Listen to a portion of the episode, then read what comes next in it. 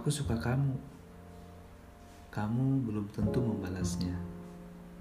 Bisa saja kamu sedang suka dengan yang lain. Berpikir dua langkah itu perlu. Kerjamu enak ya. Duduk saja dan recehan terus mengalir. Beda dengan si dia yang bermandikan keringat, kadang hanya dibalas dengan terima kasih saja. Hidup ini adil gak sih? Segala sesuatu butuh timingnya, momentum yang tepat, rencana yang matang. Tuhan sudah menjanjikan semua yang kau butuhkan, bahkan yang kau inginkan sekalipun. Bagaimana jika Tuhan belum meridoi?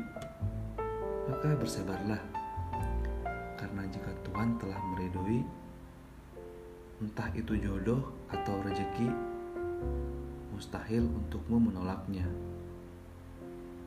Hidup memang dinamis. Tuhan tahu kapan timingnya. Alam bawah sadar, sadarlah.